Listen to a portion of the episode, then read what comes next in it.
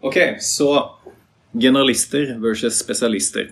Du har jobba liksom noen år i en eller annen jobb, og du har uh, fått utøvd det du har måttet utdanne deg til, og tenker på å ta steget videre. Er det da steget videre enn et steg i å fordype deg i det du utdanner deg i, eller er det liksom å ta et steg til siden og begynne å se på alt rundt deg? Altså hva er egentlig forskjellen, forskjellen mellom generalister og spesialister, og hva er liksom riktig steg? Altså, Forskjellen er jo åpenbar. En, Ja. en generalist eh, kan litt om mye, og en spesialist fordyper seg i et eller annet. Eh, og så tror jeg jo at det er ingen som er helt enten-eller. Vi er jo aldri, alle er både litt generalist og litt spesialist. Eh, men jeg tenker jo at det er jo av og til et litt tilfeldig valg, men også kan være et veldig tydelig valg man gjør da. At jeg ønsker å bli skikkelig god på en ting. Noen, noen liker jo det. Noen liker jo virkelig å fordype seg i ting. Mens andre liker på en måte å samle trådene og være litt mer sånn eh, si da, Typisk kanskje mer eh, prosjektleder, f.eks. Som er i stand til å snakke med ulike folk på ulike nivåer i en organisasjon og innenfor ulike fagfelt. Da må du nødvendigvis ha litt sånn breddekompetanse. Klare å snakke samme språk som mange andre. Eh, mens andre har bare lyst til å sitte for seg sjøl og drille ned i et eller annet tallmateriale eller kode eller Ja, så det er noen roller som av natur er mer generalister enn spesialister? Ja, jeg tenker i hvert fall eh, Jeg tenker litt sånn, ja. Jeg tenker at en, eh, en prosjektleder typisk må være litt generalist. Så kommer det selvfølgelig an på hva du er prosjektleder innenfor også. Hmm. Jeg tenker det er lurt å presisere hvilke domener vi snakker om. da, fordi Hvis vi tenker innenfor medisin, så er det jo en veldig klar spesialistretning i det at du gjennomgår en, en spesialisering. Men nå er vi fastleger. Ja, vi har fastleger, men det er en spesialisering. Du blir, eh, det å bli fastlege, det er en spesialisering. For da skal du ha en viss kunnskap.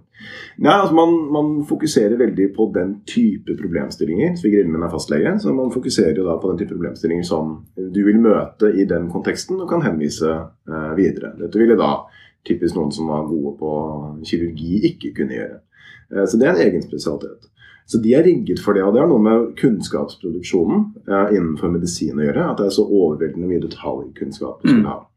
Eh, I det området som vi jobber i, så er det en mindre strukturert kunnskapsproduksjon. Eh, Det er mindre veldefinerte roller. Det er et marked som er både i vekst, men også i kraftig omveltning hele tiden. Eh, Men jeg tror fremfor å starte med generalist eller spesialist, og du påpekte at det er jo ingen som er helt det ene eller det andre, og tenke hvilken kompetansebase eller hvilket fundament er det du trenger, og i hvilken verden skal du gå inn i. Det vi ser innenfor interaksjonsdesign, er at det er enormt vanskelig for folk som jobber i andre bransjer, å bytte og bli interaksjonsdesigner eller digital produktutvikler. Eh, Så det er veldig viktig å tenke eh, litt strategisk her. Eh, Og da lener jeg meg litt på strategibegrepet sånn som Richard Rummold snakker om, at du har en diagnose av situasjonen, du lager noen policies, som dette er hvordan skal gå frem, og så har du en sånn, det han kaller en coordinated plan of actions. Hva skal jeg gjøre med dette? Og Det betyr at vi må tenke at det er bevegelse i dette her. Altså Når du går gjennom en karriere, så vil du i et stort amerikansk selskap enten gå liksom for manager track eller IC, altså individual contributor type track. Eh, og I noen virksomheter så er det sånn at du kan bli veldig veldig senior og fremdeles være en individual contributor. Da kan du være distinguished eh, engineer eller distinguished designer. Men de aller fleste av oss jobber ikke i så store virksomheter. Og det som er et problem, er at når du etter hvert blir eh, mer erfaren, eh, så begynner det å dukke opp en del problemstillinger hvor du trenger å rydde rundt deg for å få løst oppgaven. Så det er ikke det at du må bli enda flinkere på eh, finansiell modellering eller du må enda bedre på brukertesting, men du må rydde og rigge i prosjektet. Og da kommer liksom manager-biten flytende.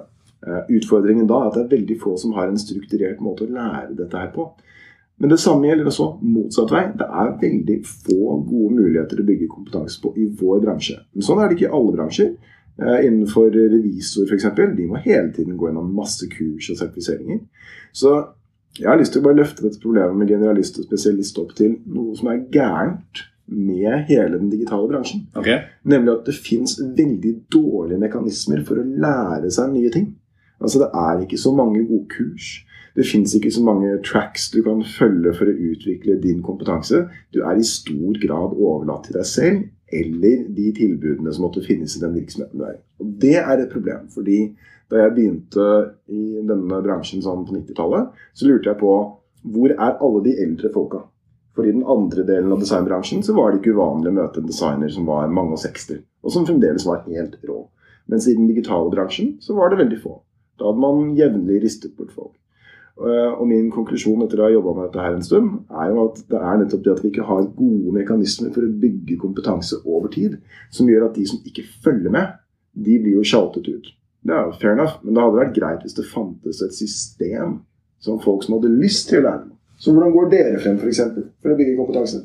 Nei, jeg tenker jo bare sånn første, Hvis vi skal relatere til, til Beck, da, mm. så har jo vi et slags system for å lære kompetanse. Men det er jo veldig mye basert på frivillighet, og at du velger sjøl hva du vil eh, fordype deg i mm. gjennom de her faggruppene, f.eks. Og så har vi jo noen ting som går på tvers av alle avdelinger, som er et type sånn eh, bootcamp, senior bootcamp, managerprogram, som typisk skal gi managerprogram f.eks. gi deg litt mer den breddekompetansen du kanskje trenger eh, i en, en, mer lederrolle eller prosjektlederrolle. Og Det er en av de fine tingene med Beck, for vi har rigget dette her til å bli det beste stedet å lære. Eh, men det er også helt avhengig av at vi hele tiden har tiltrukket oss folk som er eh, smarte, flinke, enkle å jobbe med. Og vilje til å lære. Ja, og vilje til å lære. Altså De er faktisk opptatt av å fylle på med kompetanse hele tiden. Så denne modellen den fungerer veldig godt hos oss. Men for bransjen som helhet så er det veldig få mekanismer tilgjengelig. Og det syns jeg er veldig bekymringsfullt, for det gjør at du har folk som trenger å fylle på litt hele tiden. Det trenger vi alle. Mm. Uh, og når vi tenker generalist eller spesialist, så er det jo noe med at du har folk med dyp kompetanse i et område, forhåpentligvis, som kan få på en breddekompetanse. Men det vi virkelig mangler, det er jo en mekanisme for å lære seg en ny kompetanse ganske grundig. Det er ganske vanskelig å gå fra å være en dyktig interaksjonsdesigner til en dyktig frontend-utvikler. For ikke å snakke om å bli faktisk bli dyktig til å jobbe med maskinlæring på et helt detaljert nivå. Men nå tenker du å liksom, lære seg nye fagfelt og bevege ja. seg på en måte horisontalt bortover. Ikke sant? Men hva med å lære seg liksom, eh, vertikalen, mm. og dypere nedover?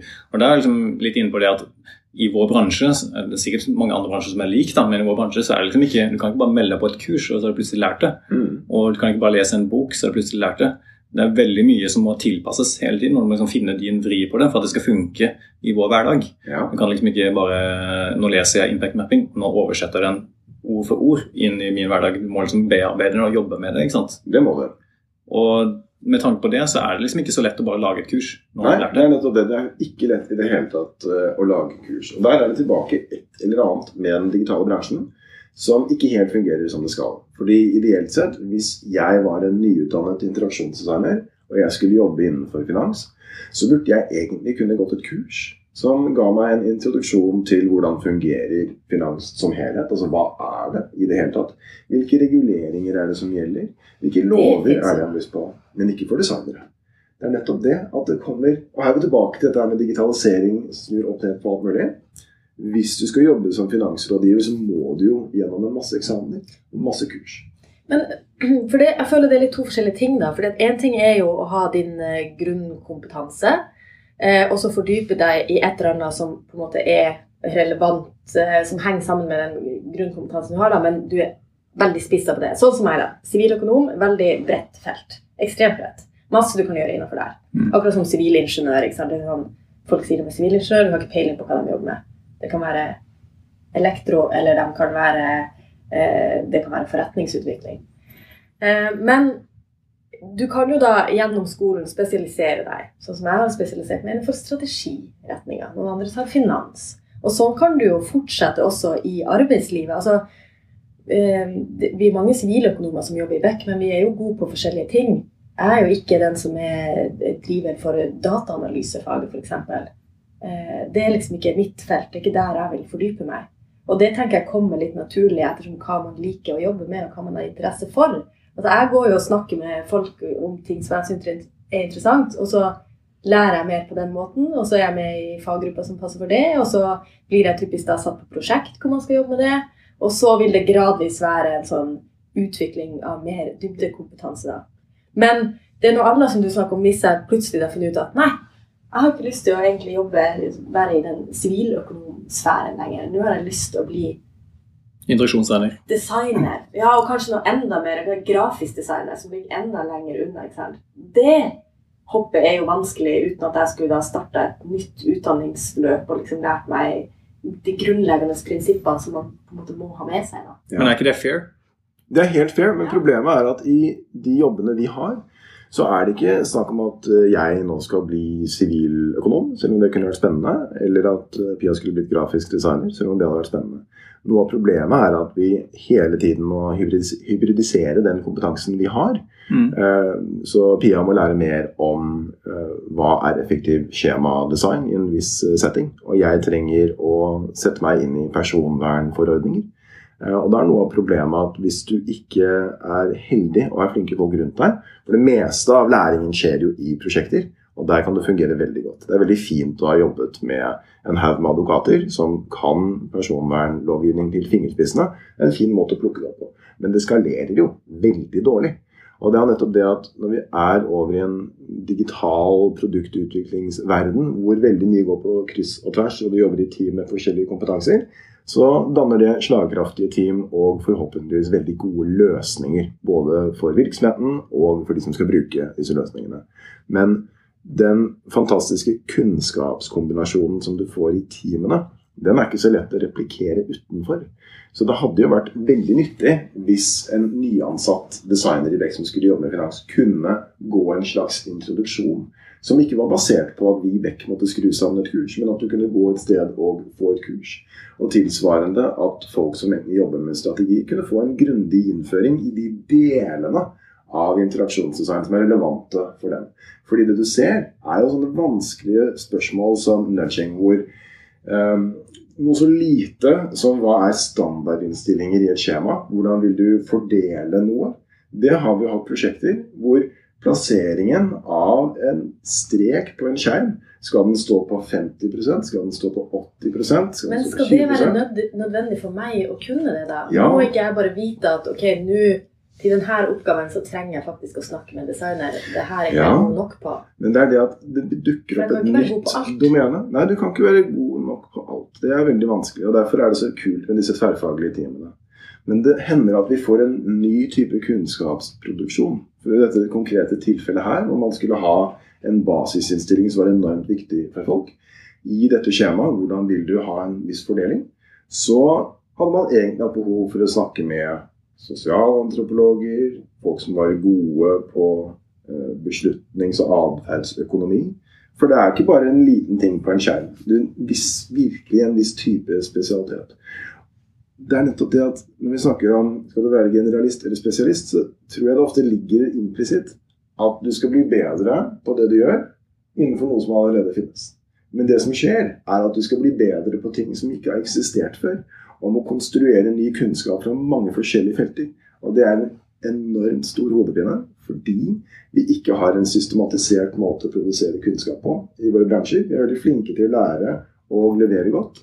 Men spørsmålet er hvordan skal jeg lære om alt jeg trenger å vite om nudging, eller dulting, som vi kaller det på norsk, i grensesnitt. Da må jeg gå innenfor interaksjonsdesign, atferdsøkonomi, psykologi, veldig mange ting. Men jeg må gå innenfor tre, eller fem, eller syv eller tolv forskjellige fagfelt for å finne det. Og jeg må lete det opp selv. Jeg kan ikke gå på ett kurs. Og det er det jeg ønsker meg. Men spørsmålet da, hva er ok, satt på spisen, hva er enkelt, eller hva er best da, å være generalist eller spesialist? Så er egentlig svaret ditt Fredrik, er at du kan ikke være begge deler, fordi bransjen vår er ikke laget for å gå på tvers. Det er riktig. Men eh, det er fortsatt et valg, da. Og vi ser fortsatt forskjellene mellom de som er gode på mye, og de som er gode på, ekstremt gode på, på måte, noe spissa område. Det er, ikke, det er ikke et valg, det er et veddemål. Det er et veddemål du har med deg selv og fremtiden din. Om den kompetansen du har nå, kommer til å fortsette å være relevant. Det er jeg enig i. Ja. Det kan oppleves som en, eh, eh, et problem om du vil, eller en, en, en risiko knytta til det å fordype seg veldig i et eller annet som er veldig hot akkurat nå. Så vet du faktisk ikke om det kommer til å være like relevant om fem år eller ti år. Ja. Eh, sånn at de fleste vil jo søke liksom å bli god på de tingene som er trending, for å si det sånn. Ja, det er veldig, veldig vanlig. Eh, Men gjerne innenfor sitt eh, fagfelt, da. kanskje ikke innenfor helt, helt nye områder. Ikke sant? Og så har jeg egentlig bare lyst til å stille spørsmål. Da, er, la oss si at du da har blitt spesialist på hammere, Mm. da er jeg alltid en spiker. Ja, og det, dette spørsmålet hadde vi på Twitter i går. Altså en som var veldig oppgitt over at man hadde erfarne folk som låst i sitt perspektiv. Eh, og jeg tror den eneste tingen du kan gjøre utover å gjøre et godt veddemål, som er det første du må gjøre, og så se på bransjen og feltet du jobber i, er dette noe jeg tror kommer til å være relevant om 20 år? Tilfeldigvis er alt spikere. Ja, eh, for den bransjen kommer til å forandre seg, men det jeg lærer å være relevant. Det å hele tiden fylle på med noe annet. Altså Noe som ikke er innenfor din spesialitet. Noe som er gjerne helt annerledes. Ikke fordi du trenger det, men fordi det hjelper deg å hele tiden lære noe nytt og skaffe deg ny kunnskap. Ja, jeg, jeg, jeg syns kanskje også den er litt unfair, den måten å si at hvis du er spesialist på hammer. fordi at det, det er kanskje litt personlighetstypen her, for du kan være spesialist på å få ting til å henge på veggen. Og så er hammer en eh, løsning, hammer og spiker. Men, men hvis? Det er litt som hvordan du fokuserer på ting. Da, fordi at Du kan godt være spesialist innenfor et område, men allikevel være i stand til å se nye løsninger og måter å jobbe på for å oppnå et eller annet. Ja. Men det der liksom, hvor abstrakt skal det bli? da? La oss si at du er spesialist på å henge ting på veggen. På Du kan ta et mer konkret eksempel på det. altså Hvis du er ekspert på uh, hvis, du, hvis hele jobben din er å være rå i Power BI, så er spørsmålet hvor mange sånne jobber finnes innenfor det. Ja, men eh, Power BI er tilsvarende hammer. Men Ja. hvis eh, jobben din er å bli rå på dataanalyse, da, Mm. Så er det liksom samme som Ja, måtte henge ting på veggen. da vil det være naturlig for deg å hele tida søke etter det beste verktøyet for å være rå på dataanalyse. Men, men jeg mener da at du egentlig har egentlig bare scopa ut, altså du har egentlig bare zooma ut bitte litt, et hakk over, Ja. og så har du et veddemål da på at dataanalyse er fortsatt relevant. Ja. Det er ikke, det er ikke 110 Nei. sikkert at det er fortsatt relevant om 20 år. Men la oss komme tilbake til dette her med veddemål. da. Det å hele tiden ta små veddemål, små ekstra veddemål, er veldig viktig. Og det som har gitt meg mest av alt, er egentlig konferanser jeg har vært på, og kurs jeg har vært på, som ikke har noen ting med det jeg jobber med. Helt enig. jeg har vært på kurs med å lære dagerotypi, altså en av de første fotografiske teknikkene. Jeg lærte absolutt ingenting som var relevant for min jobb som interaksjonsdesigner. Men jeg lærte enormt mye om hvor annerledes verden er nå, men også av mange forskjellige spesialiteter som var på det kurset. Jeg har vært på konferanser som ikke handler om design i det hele tatt, men handler om store politiske bevegelser i stedet, og analyse der. Det er heller ikke relevant for min jobb som interaksjonsdesigner, men det gjør at jeg får nye perspektiver inn på en systematisk måte. Ja. Drypp er en lavterskelpodkast fra Beck, hvor vi diskuterer diverse temaer som interesserer oss. Og hvis du har et tema som du har lyst til at vi skal snakke om, eller du vil være med på en innspilling, ta kontakt på drypp.beck.no.